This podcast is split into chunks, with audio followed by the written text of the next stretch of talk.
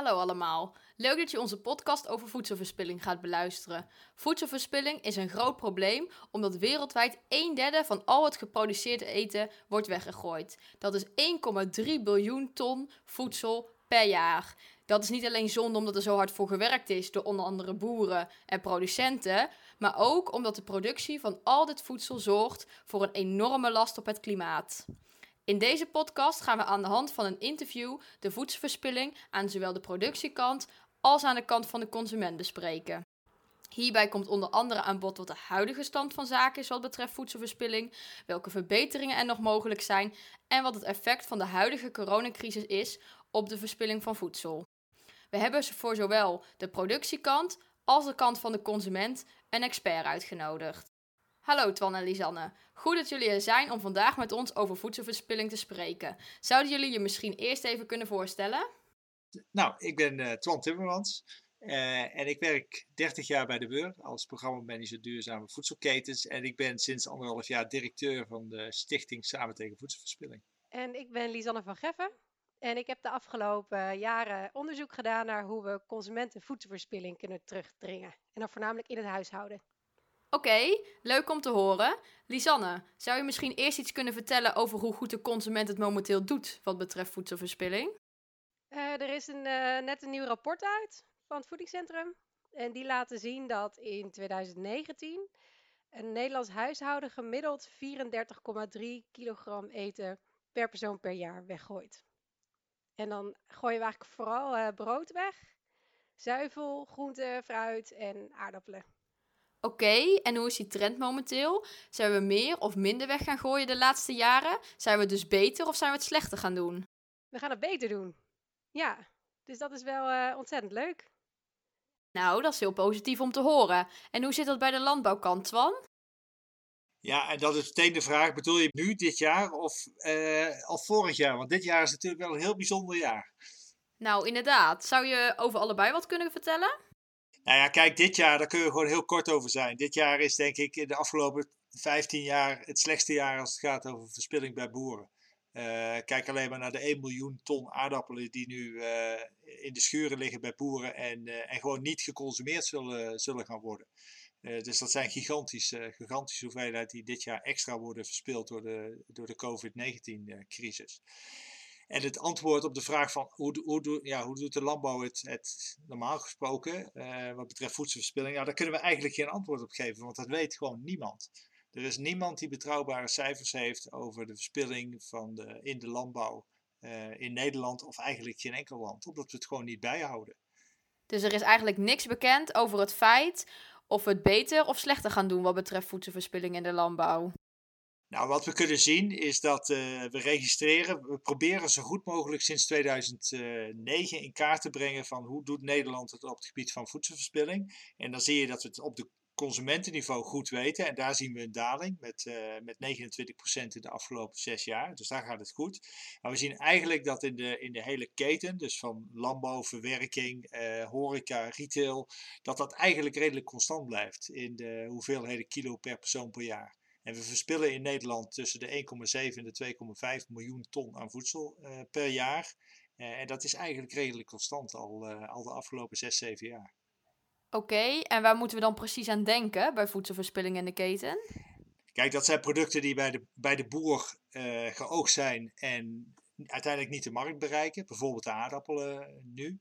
Uh, maar dat kunnen ook stromen zijn die door de industrie verwerkt zijn uh, en, en uh, nou ja, uiteindelijk ook geen afzet daar, daar vinden.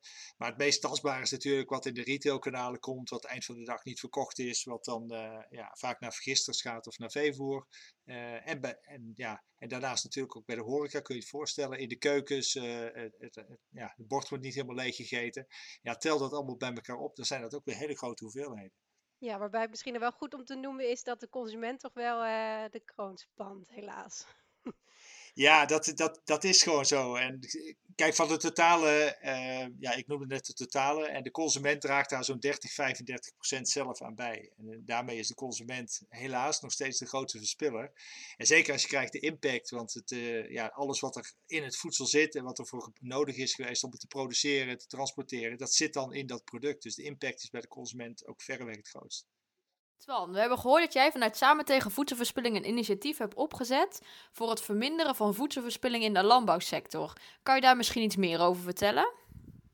Ja, we zijn gestart met uh, eigenlijk al heel snel nadat de, crisis uitbrak, zagen we dat er enorme uh, verspilling ontstond uh, bij ja, leveranciers voor die, voor, die echt op export zijn gericht en voor de leveranciers in de horecaketen, want die konden hun producten nergens kwijt.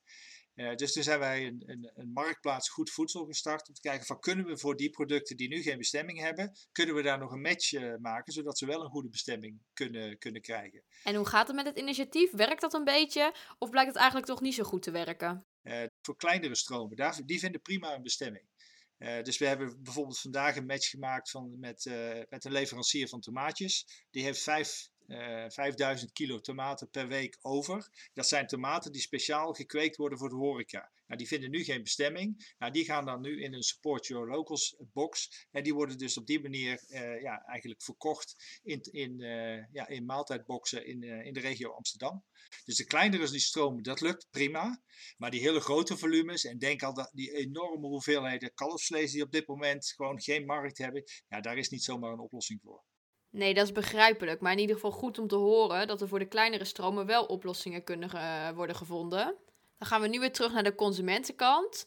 Lisanne, wat moet er daar nog gebeuren om voedselverspilling nog verder te laten afnemen? En speelt de overheid daar een rol in, met bijvoorbeeld wetten en regels? Of zeg jij nou dat is eigenlijk meer de verantwoordelijkheid van de consument zelf? Ja, uh, dat is misschien een beetje een, uh, een cheesy antwoord wat ik ga geven. Maar ik denk dat wij ja, voedselverspilling is zo'n complex probleem dat we het alleen gaan oplossen als we het samen doen. Dus daar heb je de, de consument voor nodig, de overheid en het bedrijfsleven. En dat gebeurt dus nu in Nederland ook, dus dat is heel mooi. En het, ja, in ieder geval de consumentenkant is het dus daardoor ook aan het dalen. Want ja, kijk, weet je, je, bereik als overheid is natuurlijk ook maar beperkt. Je kan wel aan instrumenten denken, aan ja, bijvoorbeeld uh, het GFT, eh, waar dan voedselverspilling in komt, duurder maken. Maar ik ben, niet, ik ben niet bekend met rapporten die laten zien dat dat helpt. Volgens mij is het gewoon nog niet zo onderzocht, dacht ik. Um, ja, of je kan nadenken over. De overheid kan nadenken over wat ze doen met de reststromen. Dus hoe zorg je dat er nog wel zoveel mogelijk energie bijvoorbeeld uitgehaald kan worden. Of op een goede manier verplaatst kan worden. Um, ja, nou de, de bedrijvenkant kan weer veel meer helpen. Weet je, als we gaan samenwerken met z'n allen, kan je veel creatievere oplossingen bedenken. En dan kan je nadenken over hoe kunnen we de consument helpen om bijvoorbeeld beter te plannen. Of hoe kunnen we ze helpen met uh, het voedselmanagement in het huishouden. Kan je een technische innovatie bedenken die het eten langer goed houdt, bijvoorbeeld. Dus ja, ik, ik ben toch bang dat het, uh, dat het een combi van alles uh, zal zijn wat, het gaat, wat gaat helpen. Oké, okay, en hoe krijgen we dan de consument zover om minder voedsel te gaan verspillen? Dus hoe kunnen we eigenlijk die eigen verantwoordelijkheid van de consument aanspreken om dit voor elkaar te krijgen? Um, in het algemeen, als je kijkt naar gedrag van mensen, dan heb je drie elementen nodig. Uh, motivatie, vaardigheden, dus dat is de kennis en de kunde, zeg maar. En de juiste omgevingsfactoren. Um, en als een van die drie mist, of, of meer dan één mist, dan, ja, dan, dan wordt het goede gedrag niet uitgevoerd. En verschillende groepen mensen uh, missen verschillende elementen. Maar wat je over het algemeen wel ziet, wat nu wel een, succesvolle strategie is, is als je mensen herinnert aan uh, het voorkomen van voedselverspilling. Want in principe wil iedereen het eigenlijk wel gewoon voorkomen. Maar dat je dat dan ook koppelt met hele concrete handelingsperspectieven bieden. Of handige tools uitdelen, zodat ze het ook meteen in actie kunnen brengen. Um, ja, dus, dus daar, daar liggen wel gewoon kansen. Dat je mensen niet alleen maar aanspreekt, want mensen vinden het al wel vervelend om voedsel te verspillen, maar dat je ze ook wel echt helpt om het dan te veranderen. En waar bedenk je dan bijvoorbeeld aan? Uh, nou, het voedingscentrum is bijvoorbeeld wel heel goed bezig. Die hebben een, um, een plastic bakje waar mensen pasta en rijst en couscous en dergelijke mee kunnen af, uh, afmeten. Um, dus daarmee help je mensen dan om, om uh, te voorkomen dat ze te veel koken. Uh, ze hebben ook stickers of magneten gemaakt met, die je op je koelkast kan plakken met tips waar je welke groenten moet bewaren. Dus wat in de koelkast, wat uit de koelkast. Dus op die manier uh, herinner je ze aan het voorkomen van voedselverspilling, maar je geeft ze vooral ook gewoon meteen echt een mogelijkheid om het te doen. Maar wat ik heel belangrijk is, en, en Lisanne, je hebt daar uitgebreid onderzoek naar gedaan, is van als je dat brengt in een positieve zin, in, als positieve norm, dan heeft het veel meer effect dan wanneer je inderdaad met vingertjes gaat wijzen of laat zien wat juist verkeerd gedrag is door verspilling te laten zien. Uh, en ik denk dat dat ook een van de succesfactoren is waarom de campagne die de afgelopen jaren toch veel meer naar die positieve norm is, is, uh, is verschoven, ook, dat die ook wel echt effect, uh, effect heeft. Naast initiatieven van Samen tegen voedselverspilling en het Voedingscentrum zijn er nog veel meer initiatieven die voedselverspilling tegen willen gaan. Zoals bijvoorbeeld Too Good To Go, die het voor de consument mogelijk maakt om overtollig eten vanuit supermarkten en restaurants voor een leuk prijsje te kopen. Bovendien zijn er ook bedrijven die voedsel, wat niet goed genoeg is voor de supermarkt, verwerken tot allerlei producten. Zo hebben we bijvoorbeeld gesproken met de Verspillingsfabriek, die in een korte pitch vertellen wat zij doen en waarom zij dit doen. Um, wij zijn de Verspillingsfabriek. Wij zijn 4,5 jaar geleden eh, ontstaan, uh, gestart om samen met de keten uh, reststromen groenten te gaan redden. Met die reststromen groenten maken wij soepen, sauzen en stoven. En op die manier proberen wij zoveel mogelijk groenten uit de keten te redden, die anders normaal richting de biovergister of het veevoer gaan. De vraag waarom ja, dat is met name gewoon omdat we het enorm zonde vinden dat goede uh, producten die uh, geschikt zijn voor menselijke toepassing, uh, dat die eigenlijk weggegooid worden, terwijl er aan de andere kant er voedsel schaarste slash honger is, in ieder geval in de wereld. Ja, dat, dat klopt niet met elkaar. Dus moeten we ervoor zorgen dat dat systeem beter wordt. En wij zijn daarin niet de oplossing, maar we zijn daarin wel een voorbeeld hoe het anders kan. We hebben vorig jaar ongeveer 2 miljoen liter soep gemaakt en daarmee toch wel zo'n 6 ton aan kilo groente weten te redden. Dus ik denk dat we daarbij een, uh, een mooie bijdrage leveren aan het feit uh, uh, hoe het anders kan en, en de groenten die er gered kunnen worden. Oké, dan gaan we nu weer terug naar de productiekant. Wat moet er daar nog gebeuren om voedselverspilling nog verder te laten afnemen, Twan? Ja, kijk, je ziet, je ziet steeds meer initiatieven. Uh, en dat, dat zijn bijna altijd initiatieven die, die te maken hebben met een andere vorm van samenwerking. Dus je ziet initiatieven waarbij boeren gezamenlijk nog meer samenwerken als een soort coöperatie. Maar ik noem het altijd coöperatie van coöperaties. Om met elkaar toch te kijken van kunnen we door minder te produceren toch al onze klanten van goed voedsel voorzien. En dat klinkt heel simpel, maar dat is best ingewikkeld. Maar er zijn toch ja, steeds meer van de, dergelijke samenwerkingsverbanden die daar goed in, in slagen. Bijvoorbeeld van Rising Ingredients, die doet dat met wortels. En die hoeven daardoor, omdat ze gezamenlijk met honderden telers optrekken, uh, en ook slim in hun rassenkeuzes en in hun planning omgaan, hoeven zij 100 hectare minder te produceren en toch al hun klanten te kunnen voorzien, omdat zij dus geen verspilling meer in hun ketens hebben. Daarnaast zie je uh, steeds meer ketensamenwerking over de hele keten van producent tot en met vaak de retail ontstaan. Die dan ook kijken van ja, uh, er kunnen omstandigheden zijn waardoor er meer of minder geproduceerd is of de kwaliteit is minder. Kunnen we nu gezamenlijk zorgen dat al die producten een goede bestemming krijgen. En dat zie je nu eigenlijk in de crisis ook gebeuren. Uh, je ziet dat er veel meer acties zijn op producten waar relatief veel geproduceerd wordt. Op tomaten, paprika's. Je ziet dat supermarkten daar nu acties op hebben. En dat doen ze omdat hun leveranciers op dit moment meer produceren dan ze eigenlijk in de normale markt zouden kwijt, uh, kwijt kunnen. En ik denk een heel mooi voorbeeld is ook uh, de samenwerking tussen, tussen Kipster en Lidl en, en een Nijse Granico. Die zorgen dat de reststromen van, die ook Lidl heeft, bijvoorbeeld een brood wat niet verkocht is, wordt verwerkt tot kippenvoer. En die kippen die, ja, die, die leven alleen op rest, uh, reststromen. En die kippen die komen uiteindelijk ook weer in de schap van, uh, van Lidl. Dus dan ben je heel circulair bezig om al die grondstoffen zo goed mogelijk te gebruiken. Maar vooral ja, toch een heel, hele mooie vorm van ketensamenwerking. En daar zien we er steeds meer van. Oké, okay, goed om te horen. En in het hele verhaal speelt de overheid daar ook een rol in? Of is dat puur op eigen initiatief van de boer? Kijk, je ziet in deze tijd van crisis, noem die aardappelen, uh, de overheid moet inspringen, want anders gaan er heel veel boeren failliet. Uh, dus de, de, overheid is ook, een, is ook een vangnet. Maar eigenlijk zou dat vangnet ook gebruikt moeten zijn om te zeggen van ja, hoe gaan we dit in de toekomst voorkomen dat dit, uh, dat dit in zo'n grote schaal uh, voorkomt. Dus toch te stimuleren dat er meer samenwerking in die keten gaat, gaat ontstaan.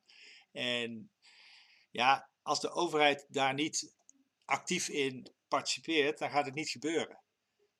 De overheid kan de randvoorwaarden stellen, maar kan ook druk creëren op zo'n sector van ja, uh, nu moet je iets gaan doen. En dat hebben ze ook gedaan bijvoorbeeld uh, rond die, ja, die ketensamenwerking die je nu ziet in groente en fruit. Ja, die is ontstaan in 2018, hadden we een droge zomer.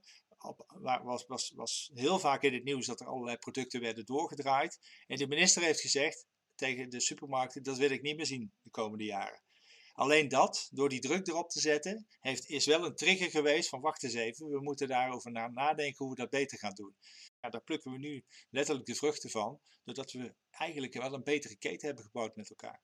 En dat was niet gebeurd als die druk vanuit de overheid er niet op was gezet. Tot slot nog even over de coronacrisis. Het is al een paar keer kort aan bod gekomen, maar wat denken jullie dat het effect is van de coronacrisis op de hoeveelheid voedsel die verspild wordt in Nederland? Bij consumenten zien we een daling van, uh, van verspilling, omdat mensen tijd hebben. Uh, maar ze hebben ook meer interesse uh, om ja, te snappen waar het product vandaan komt. Ze kopen ook wat betere producten. En niet per se alles bij, bij standaard bij de supermarkt. Maar ze hebben ook vooral ja, veel meer tijd om te koken en te bakken. En dat, dat, dat merk je in de verspilling. Dus ze kopen geen zakjes sla meer, maar ze kopen hele sla. En ze gaan, omdat ze nu tijd hebben om die te snijden. Dus je ziet ook in het, in het aankoopgedrag zie je verschillen ontstaan. Maar de eerste indicaties zijn dat de verspilling ook uh, behoorlijk fors uh, aan het dalen is in deze tijd. Ja, de vraag is natuurlijk wat is blijvend. Ik denk dat, ik zeg altijd, ja, iets, iets wat waardevol, waarde voor je heeft, ga je minder snel verspillen. Dus ik denk dat die korte ketens, het besef dat voedsel meer is dan alleen maar iets wat je, wat je snel koopt en opeet, dat dat, dat, dat ook wel effecten gaat hebben op, op, op gedrag in de toekomst. De les is wel, heel veel partijen worden nu ondersteund door de overheid. Ja, dat zal de overheid niet een tweede of een derde keer kunnen doen. Dus de les is wel, we moeten onze ketens meer weerbaar maken tegen dit soort omstandigheden. Ja, en ik zou nog wel even willen toevoegen, want de consument is inderdaad, uh, ik denk dat dat wel leuk, uh, ja, inderdaad wel echt leuk gegeven is, dat de consument nu gewoon beter bezig is. Um, en wat Twan zegt, die waarde, herwaardering voor voedsel is inderdaad uh, mooi dat dat nu weer plaatsvindt. Maar ik denk dat het ook wel echt het element tijd is. Um, ja, dus dat ook voor toekomstige interventies of ontwikkelingen, dat we daar ook rekening mee moeten houden. Dat de consument het dus wel kan als hij de tijd heeft, maar dat in een hele, ja, in het drukke bestaan met werk en sociale activiteiten, dat dan gewoon misschien wel weer ja, makkelijk wegvalt. Dus het zou mooi zijn als we iets kunnen verzinnen, zodat dat goede gedrag ook vast kan worden gehouden met minder tijd. Nou, inderdaad, dan heeft de coronacrisis ons toch nog een mooie les geleerd, uh, Lisanne. Dan wil ik jullie heel hartelijk bedanken, Twan en Lisanne. Want dit was alweer het einde van onze podcast over voedselverspilling. Dank jullie wel. Ja. Dankjewel. En wil je zelf nou minder voedsel gaan verspillen? Neem dan vooral even een kijkje op de website van Samen tegen Voedselverspilling voor de beste tips. Dank jullie wel.